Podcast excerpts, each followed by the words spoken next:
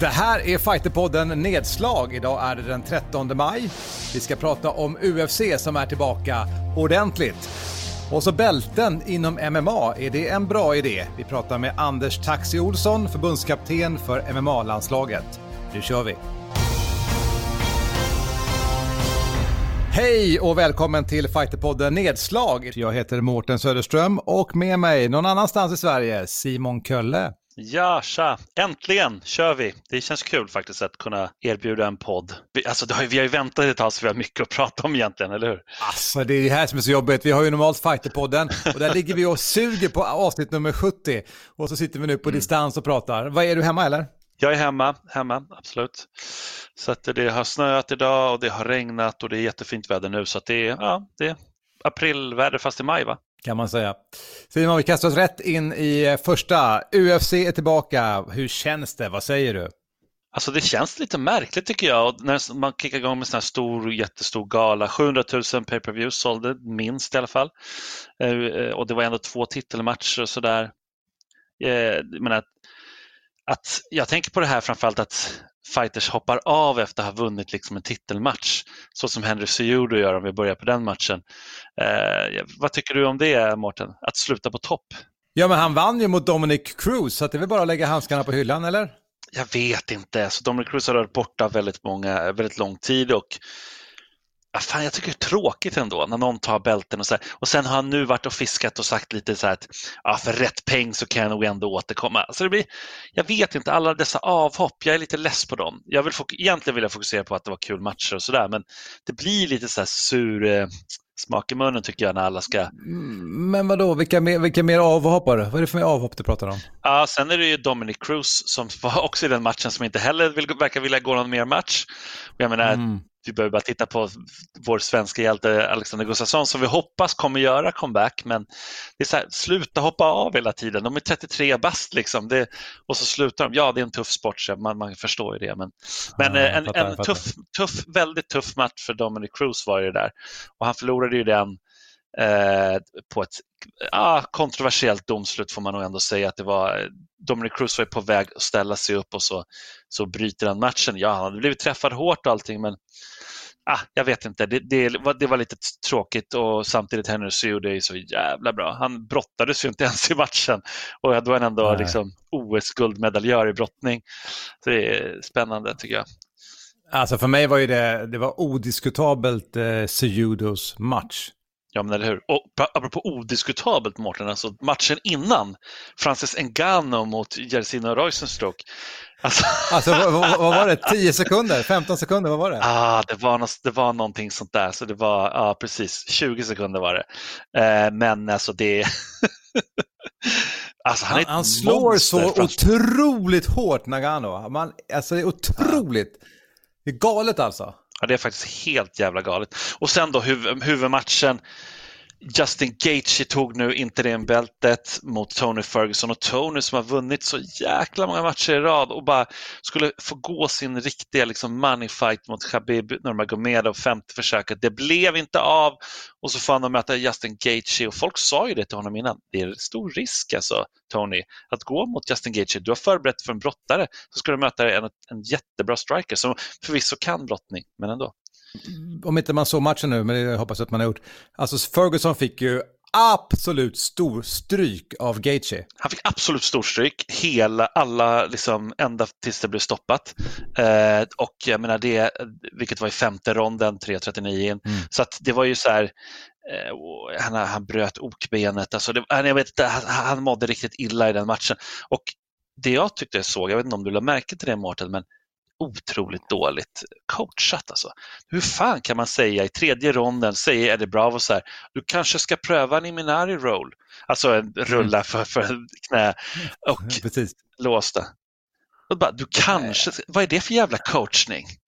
Jag vill till börja med tänka bara att alltså Ferguson har ju varit ett så enormt hypad, alltså nästa match hela tiden har varit den här otroliga väntan på att han och Khabib ska mötas. Och så är det den här mellanmatchen. Det har varit mycket diskussioner också hur han tränar, att han har så alternativ stil. Och det är lite hemlighetsfullt det här hur Ferguson har utvecklat sin stil. Men han är så oortodox i sin stil och han är oväntad i hur han fightas. Men äh, så här, han är killen som ska ta Khabib. och så blir det någon mellanmatch. Och jag har inte riktigt följt Justin Gaethje, men när jag såg honom nu, och med tanke på att Ferguson då är rankad etta och ska möta tvåan, men får så otroligt stryk av Gaethje. Det, det, det är som säger, både dåligt coachat, men också, alltså även om han har förberett sig för en brottare, så stor skillnad ska det inte vara. Nej, jag tycker det. Och jag tycker för, alltså, det handlar om förberedelse, det handlar om taktik och jag tycker att det, det här, jag ser ett mönster. Vi, vi, borde prata om det här i något annat än ett nedslagsavsnitt, i något av våra stora.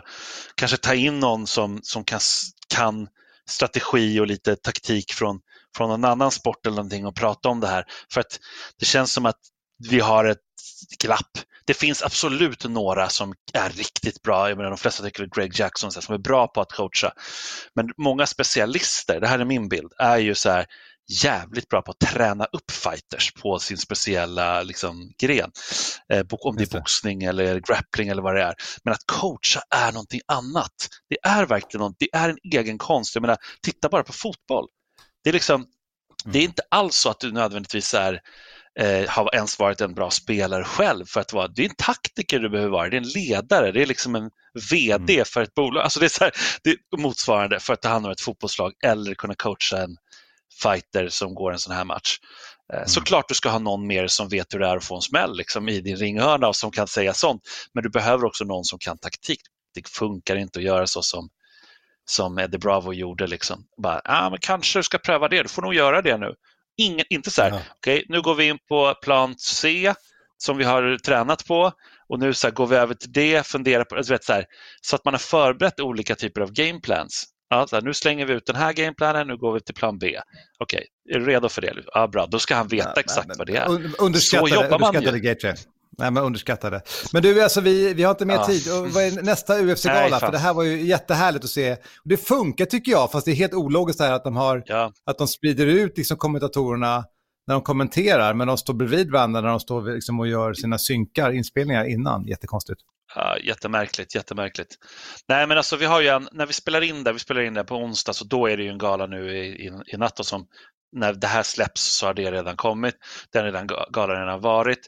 Eh, och sen är det en gala på lördag, så jag menar, nu, nu rasar det ju verkligen på. Nu är det ju fan galor hela tiden. Så det, ja, det, vi kommer ha mycket att prata om nästa vecka känns det som. Ja, precis. Och bara den galan på lördag här, vad är det på den galan nu? För jag har inte det framför mig. Alltså då är det ju Alistair Overeem mot Walt Harris i huvudmatchen. Claudio mm. Gedelia mot eh, Angela Hill. Alltså det är, så här, det, det, det, är inte världens bästa matchkort tycker jag. Det är, liksom, det är en bra huvudmatch men Edson Barbosa mot Dan Ige är ju intressant men alltså det sticker inte ut så här jättemycket. Så att, men nu kastar de ju ut galor som fan och den som är, går ikväll, då, den som har gått igår om, om ni lyssnar på när den släpps, det är ju den med Anthony Smith som slog Alexander Gustafsson som möter Glover mm. Teixeira i huvud, huvudmatchen. Eh, ben Rothwell mot och Vincent Pro och sådär. Så att, eh, och den gamle Andrew Arlovski, när ska han, apropå lägga handskarna på hyllan, ah, när fan ska han lägga handskarna? alltså, han möter en Otroligt. Otroligt. Ja, det är faktiskt helt otroligt. Nej, men en sak som jag också måste nämna med UFC det är det här Fight Island. Det där snacket har ju fortsatt nu och de ska ju verkligen göra Fight Island. Det kommer ju bli liksom så att även fighters utanför USA ska kunna vara med. Och nu har Dana White sagt att Justin Gaethje mot Khabib i sommar på Fight Island. Vad säger du om det? Ah, det, det, den är ju fantastisk, jag älskar det. det. Det är än en gång bara grejen att göra en Fight Island. Det är så mycket filmkänsla över det, så jag älskar det. jag sitter med en Bruce Lee-tröja på mig, tyvärr ser ni inte det, men det gör jag faktiskt. Det känns Bruce Lee, eller hur? Visst gör det? Den där, ja, ja, det är ju en ja, där jävla filmen. Bruce Lee och så lite möjligtvis så här Jean-Claude Van Damme också. ja, såklart, såklart. yep.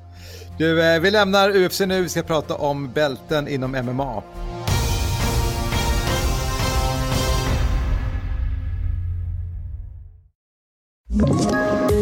Poddtips från Podplay. I podden Något Kaiko garanterar östgötarna Brutti och jag, Davva, dig en stor dos skratt. Där följer jag pladask för köttätandet igen. Man är lite som en jävla vampyr. Man har fått lite blodsmak och då måste man ha mer. Udda spaningar, fängslande anekdoter och en och annan arg rant. Jag måste ha mitt kaffe på morgonen för annars är jag ingen trevlig människa. Då är du ingen trevlig människa, punkt. Något kajko, hör du på podplay. Därför är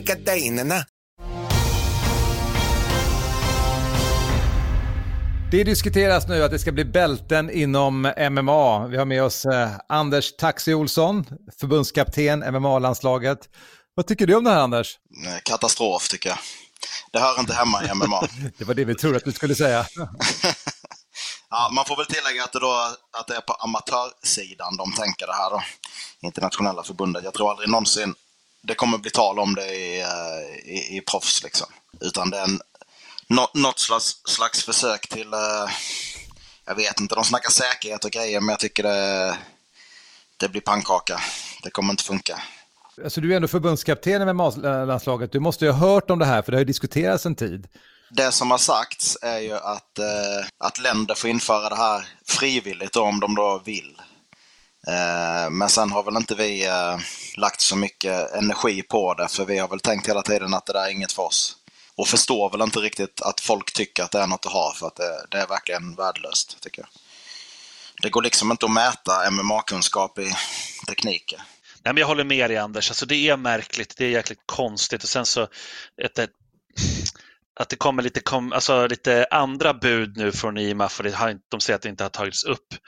På, eller George Salford har ju gått upp, ut och sagt att det inte har eh, beslutats heller i styrelsen och det verkar som att det är någon inre, inre kanske konflikt eller så där. Men alltså, vart, vart kommer det ifrån Anders, hela den här grejen då med att, alltså vad, eh, är det liksom budofolket som vill in? Och, och, på något sätt, eller är det, är det, tror du, pengakåta personer som vill liksom kapitalisera på det här på något vis? Jag vet inte, kanske en kombination. Jag vet, jag, jag vet ju att det är, det är ju budofolk inom eh, IMAF i styrelsen som, som gillar det här liksom med bälten och grejer. Men sen så har jag ju kollat på den här appen ser ut. Man ska använda en app då. Där man hittar så här tutorials på tekniker och sånt där. Och, eh, där ser man ju liksom så här, Sparkarna står ju med så här japanska namn och grejer. Det är fan inte många i MMA som vet vad det heter på japanska. Eh, så, så bara där är väl ett tecken på att det är budofolk tror jag. Som är inblandade i alla fall. Så just appen är ju lite så här, du vet att upp till orange bälte då, som de ska ha, eh, så är det gratis att kolla på de här videorna och sen kostar det ju liksom att ladda hem eh, en video och sådär och det är väl ett tecken på att det är pengaintressen inblandat. Sen vem de pengarna ska gå till eh, har inte jag riktigt blivit klok på. Eh, vissa säger att det där är ett bra sätt för coacher att, eh, att då kunna göra pengar på MMA och sådär men eh, ah, jag vet inte, jag tycker det, det, blir jävligt konstigt och framförallt då i tävlingsverksamhet så kommer det inte funka alls att få... Man kan ju inte mäta nivå med en, med en sidspark liksom. Eller vem som kan göra vad. Så att det, ja, skumt system som sagt och konstiga tekniker med på bältena. Eh, tycker jag. Butterfly guard var typ till blått bälte. Det är en helt värdelös eh, situation att sätta sig i MMA. Får dyngmycket pisk. Ja. Alltså, jag, jag, som kommer har varit historiskt sett i, i, liksom, i kampsport, som jag liksom tränade på 80-90-talet. När, man växte upp med det här, alltså i min uppväxt var det ju att ha svart bälte i någonting var ju hela grejen. Och sen när du väl kommer in i kampsport, jag har tränat ganska många olika, så upptäcker du att du mer och mer med tiden tröttnar på det här med bälten, för du inser att i många sporter så kan du i stort sett liksom köpa ett bälte. Va? Uh, och så läser man de traditionella, liksom, böckerna till och med när man går tillbaka till riktig budo, då fanns det ju inga bälten utan då var ju ditt namn var ju din grad på något sätt liksom. är ni med mig? Uh, och jag kan uppleva att när MMA, eh, liksom, när MMA nu har uh, liksom kommit till en punkt där vi har en generation utövare som faktiskt inte ens bryr sig om, om du börjar träna med, spela fight, fightas MMA med någon och du säger att du har ett bälte i någonting, så säger den personen kul för dig, vad roligt då. Men det är helt ointressant i sammanhanget. Eh, att införa det här i MMA känns jätteologiskt. Ja, men det är lite ologiskt och det är också så här, alltså jag tror att många av oss, eller kanske vi alla då som snackar nu, har börjat med kampsporter med bälten i början. Och jag menar, då var det så här, när jag började med judo, som jag vet hur gammal jag var, 8-9 år, då var det skitcoolt liksom att få träna med någon som hade högre bälte och sen så började man ta bälten och så här, Sen tycker jag det dog ut. När MMA kom, då var det lite som så här, ah, okej, okay, det spelar ingen roll vilket jäkla bälte du har. Det, spel, det är andra saker som spelar roll. Du kan vara en specialist också, som inte skulle klara av många bälten, inte klara ens av Eh, liksom, blått bälte i jujutsu, men ändå vinna liksom, matcher. Och sen så fick det nog, tror jag, bland gemene man ganska stor respekt igen att få bälte, men då bara inom BJ. För det tycker jag fortfarande liksom gäller, att ha ett svart bälte i BJ, det har inte vem som helst. Ja, Okej, okay, det går också att köpa, det går också att mula till sig, men om du ska ha liksom respekt i den världen så är ändå ett svart bälte värt något. Men vad fan ska man ha det i MMA för? Det är jättekonstigt. Vad tycker du Anders? Grejen är så här, att jag kan ju förstå, jag började med taekwondo själv. Där är det liksom, du lär dig ett visst antal tekniker som du kunna innan och, eh, och sen får du ett bälte liksom. Det, ja, det säger ju något har du lärt dig de här teknikerna liksom. Eh, men det säger ju ingenting om hur duktig du är i en taekwondo. Jo, men det blir ju det. det så, känner, så känner jag också. Men på brasiliansk jiu-jitsu-sidan då? Har, har, du kört BJJ till exempel och, och varit inne i det träsket? Det har jag. Och eh, där tycker jag ändå på något sätt att eh, det blir olika nivåer beroende på vad man har för tränare. Men ändå så blir du tilldelad ditt bälte utifrån hur duktig du är. Eh, inte, alltså lite hur väl du tillämpar din eh, brasilianska jiu-jitsu. Eh, och sen blir det, det blir ändå olikheter för vissa, vissa får ju liksom för, för trogen tjänst ändå där på något sätt. Eh, medan, medan vissa får då för hur man placerar sig i tävlingar och sånt där. Men ändå så eh, på något sätt så säger ett sånt bälte mer än vad ett sånt här teknikbaserat bälte gör. Ja, men om man då skulle göra det, jag leker djävulens advokat, om man då skulle göra det till ett mm. mer teknik, eller inte teknikbaserat, tycker du ändå att det är dåligt då om det skulle, man skulle göra om bältet till ett, till ett liksom fightingbaserat bälte? Ja, det gör jag. För jag, jag, ser liksom inga fördelar alls. Jag ser ju bara problem eh, med bälten, hierarkier, pengar i brasilianska jujutsun och jag har hållit på mycket med den mm. politiken. Eh, och är ganska trött på det liksom. Så jag ser att det, in, det kommer inte komma något gott ur, ur det. Och införa bälten i MMA. Det kanske inte är så förvånande då, att det kommer ett, att någon försöker, eller några då försöker komma in med det nu här. Egentligen kanske nästan konstigt att det inte har skett tidigare då att du vet, den världen, för jag menar den, många i den världen reagerade ju väldigt hårt på MMA, även i Sverige, jag menar Budoförbundet. Nu är det inget snack om att det är Budo kampsportsförbundet och sådär, men det var många som var emot MMA när det kom liksom. Eh, och mm. Nu vill man ta sig tillbaka kanske, ta tillbaka lite av det genom att få in bälten och budofiera MMA. Kan det vara något sånt där? Ja, jag vet faktiskt inte. Jag, det, jag vet ju att det är den falangen, fal, falangen inom internationella förbundet som vill det här. Eh, och jag misstänker ju att det är eh, monetära skäl också. Eh, för, för det finns liksom, det finns inga, eh, ing, ingen vettig motivering till att göra det helt enkelt. Det som ofta händer eh, när någonting från början är frivilligt brukar med tiden i många sammanhang sen inte längre vara frivilligt. Och det är ju risken i den här grejen att det antingen som du säger blir något ekonomiskt så att det förr eller senare liksom alla måste göra det. Så att jag undrar, finns det en motrörelse nu? Alltså hur, en sak är ju såklart att vägra göra det eller att inte gå med på det eftersom det är frivilligt. Men vad tror du händer från nu och framåt? Eh, det jag vet händer är ju att bland annat jag, jag skrev ju ganska upprörda inlägg på deras sida om det här och fick med mig ganska mycket folk. och Eh, jag kontaktade lite andra förbund. Jag vet att Danmark, Norge, Finland är också väldigt emot det här. Det vi fick till då är ju i alla fall att eh, Ja, enligt George då så det finns ju inget beslut på det här. Eh, utan bara att det här ska införas frivilligt då.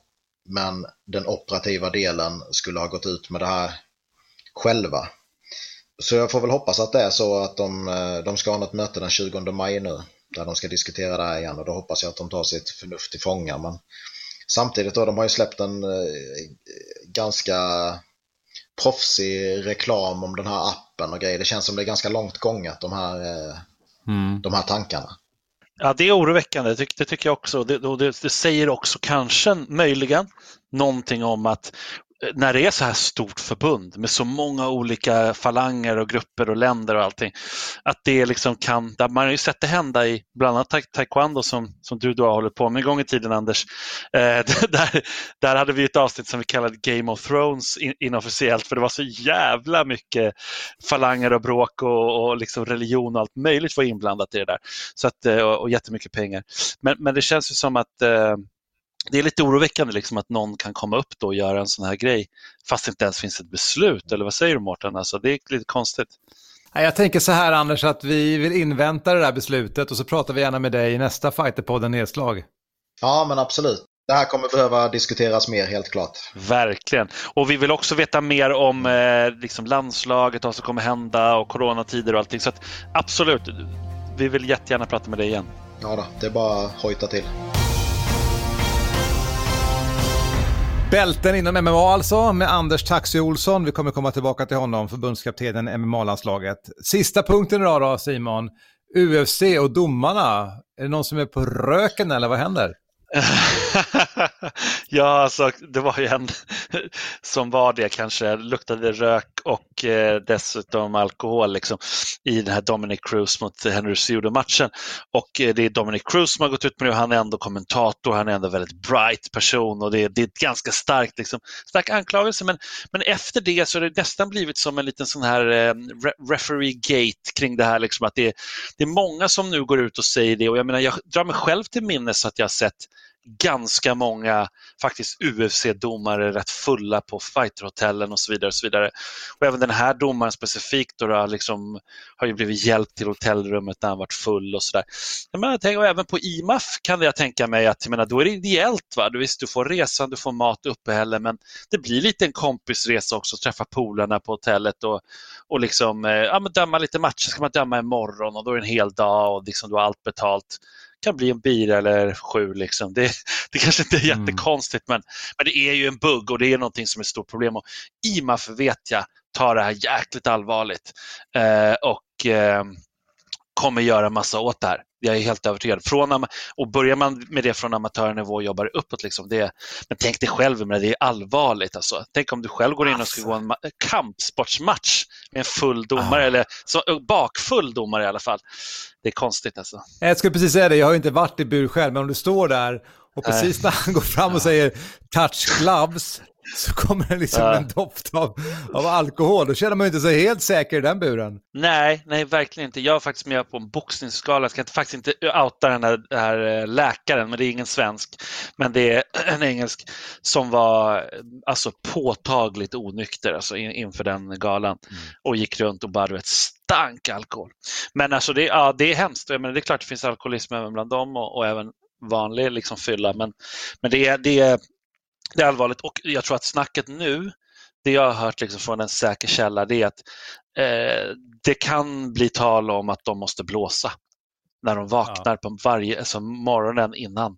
Så att det är liksom, då, och är det så att de, du söp för mycket kvällen innan, då får du inte döma den kvällen. Men det är ju inte en sekund oskäligt, alltså eh, med tanke på att eh, domaren är där för din säkerhet så är det ju, jag skulle säga att det där, det där, eh, det där kommer förmodligen bli så och jag tror att det kommer också förändra lite grann. Förhoppningsvis. Ja, Nej, men, det, men, det, men Mårten, innan vi avslutar, det säger någonting om domsporten. Det dyker upp sådana här grejer.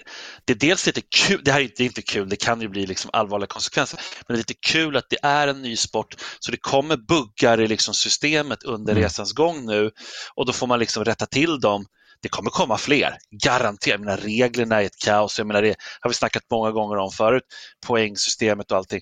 Och nu domare och jag menar, det är klart det finns andra grejer som kommer dyka upp. Ja, det, men jag, jag, jag tänker, ja men, fast det är också lite unikt för att en UFC-domare är alltså lite annorlunda eftersom du faktiskt ska bryta ja. för säkerhet. Ja. Om du är en fotbollsdomare, och jag vet ju faktiskt, jag har ju till och med partajat med fotbollsdomare genom åren. Eh, men där är skillnaden att du ska springa, springa i 90 minuter dagen efter, så det är inte så jävla roligt att vara bakfull. Däremot kanske du kan festa Nej. på kvällen. Så jag tror att det är ganska självsanerande i de flesta sporter när det kommer till domare. Mm. Men i MMA så är domaren eh, det är som en säkerhetsfaktor. Eh, och det mm. gör ju det här extra speciellt. Och jag tror inte att det finns förbud, kanske det finns, jag vet inte, men inom fotboll, att du som fotbollsdomare inte får vara bakfull. Där är det ingen som diskuterar att du ska blåsa. Men i den här sporten ska jag säga att det är en självklarhet. Jo, men verkligen. Ja, vi får se hur det utvecklas, men det är ju ja, det är i alla fall jäkligt kul. Jag vill ändå sluta på en god not och det är att det är jäkligt kul att UFC är tillbaka. Det kommer bli massa häftiga UFC-galor och vi får ju återkomma med en längre podd och Elin får vara tillbaka också. En shoutout till Elin eh, och Axel givetvis också. Så det ska bli kul. Du, vi klämmer ett nedslag så fort vi kan igen. Ta hand om dig Simon Kölle. Jag heter Mårten Söderström. Hör av dig till fighterpodden at fightermag.se. Det är du och jag Simon, är du med nu då? 3, 2, 1. Oss! Fighterpodden produceras av Suba Media för Radio Play. Ett poddtips från Podplay. I fallen jag aldrig glömmer djupdyker Hasse Aro i arbetet bakom några av Sveriges mest uppseendeväckande brottsutredningar. Går vi in med hemlig telefonavlyssning och, och då upplever vi att vi får en total förändring av hans beteende. Vad är det som händer nu? Vem är det som läcker? Och så säger han att jag är kriminell, jag har varit kriminell i hela mitt liv men att mörda ett barn, där går min gräns. Nya säsongen av Fallen jag aldrig glömmer på Podplay.